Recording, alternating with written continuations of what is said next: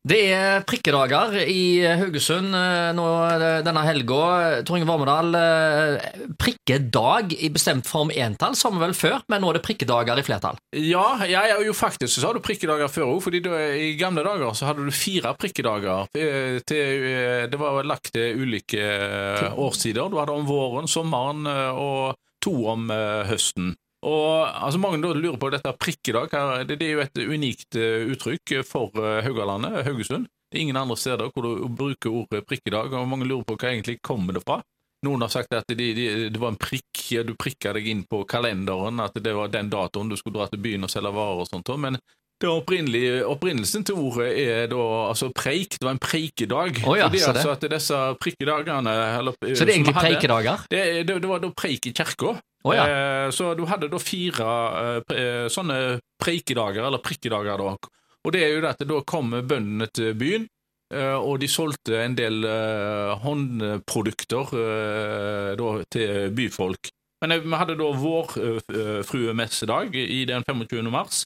Så hadde vi da Jonsok, eller Santa Hans, så er det jo da 24. eh, juni. Så hadde du Mikkelsdag 29. september, og så hadde du helgemessedag 1. november. Eh, Og dette var preikedager? det var preikedager, da, hvor eh, det, det var preik i kirka, da, og så kom Så var det bøndene- etterpå? Og så var det handel etterpå. Og eh, bøndene da, de- de kom altså til byen og frembyr sine varer. da. Men eh, det var nok et eh, Du skal gå langt tilbake i tid for du, at alle fire prikkedagene var, var aktive, for å si det sånt. Eh, allerede for 100 år siden så begynte den å avta, og årsaken til at det avtok, da var det altså at vi fikk denne torghallen. Det er det vi kaller Landmannstorget i Mm. dag. Der var det jo en stor hall, og den ble ført opp i 1905. Det tok mange år før han ble innarbeida. Men da, i den torghallen så kunne bøndene komme for en rimelig penge og selge sine produkter og sånt. Og da ble det ikke det store behovet for å ha disse her markedsdagene. Prikkedagene ble her, det var på, i Torgbakken.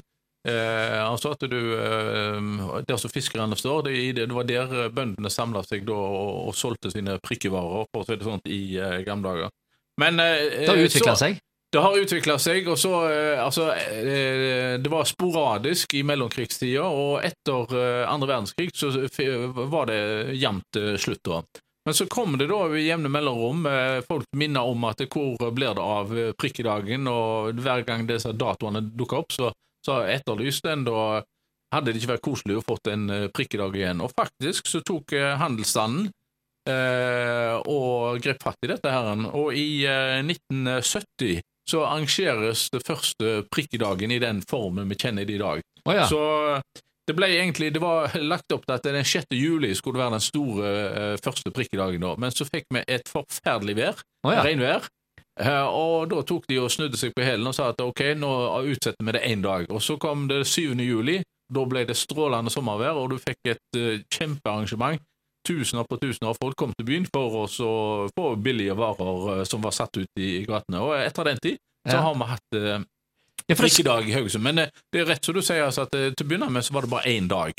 Eh, da. Men eh, nå har de valgt altså, å ha to dager, altså både og Nei, både fredag og eh, lørdag. ja. Og så Litt av greia med prikkedagene nå er jo det at butikkene på en måte flytter ut i gata, så det må nesten være litt uh, fint Ja, det, det er det, og det har det vært liksom, i, i nyere tid, for å si det sånn, at uh, de, de setter varene ut og sånt. Og den første prikkedagen, da, det var faktisk den første gangen jeg prøvde ut dette arrangementet med gågata i Haugesund.